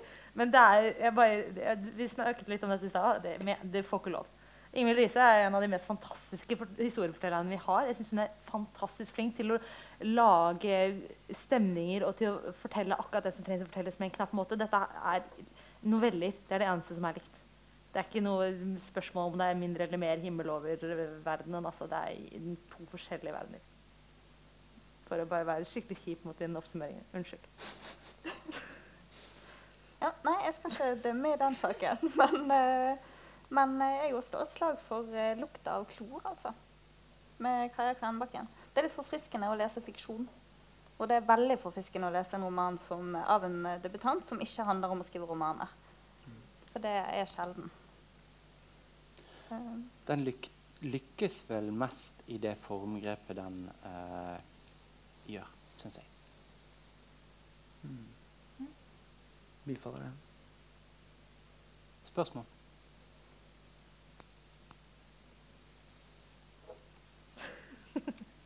Da takker vi for oss. Ja.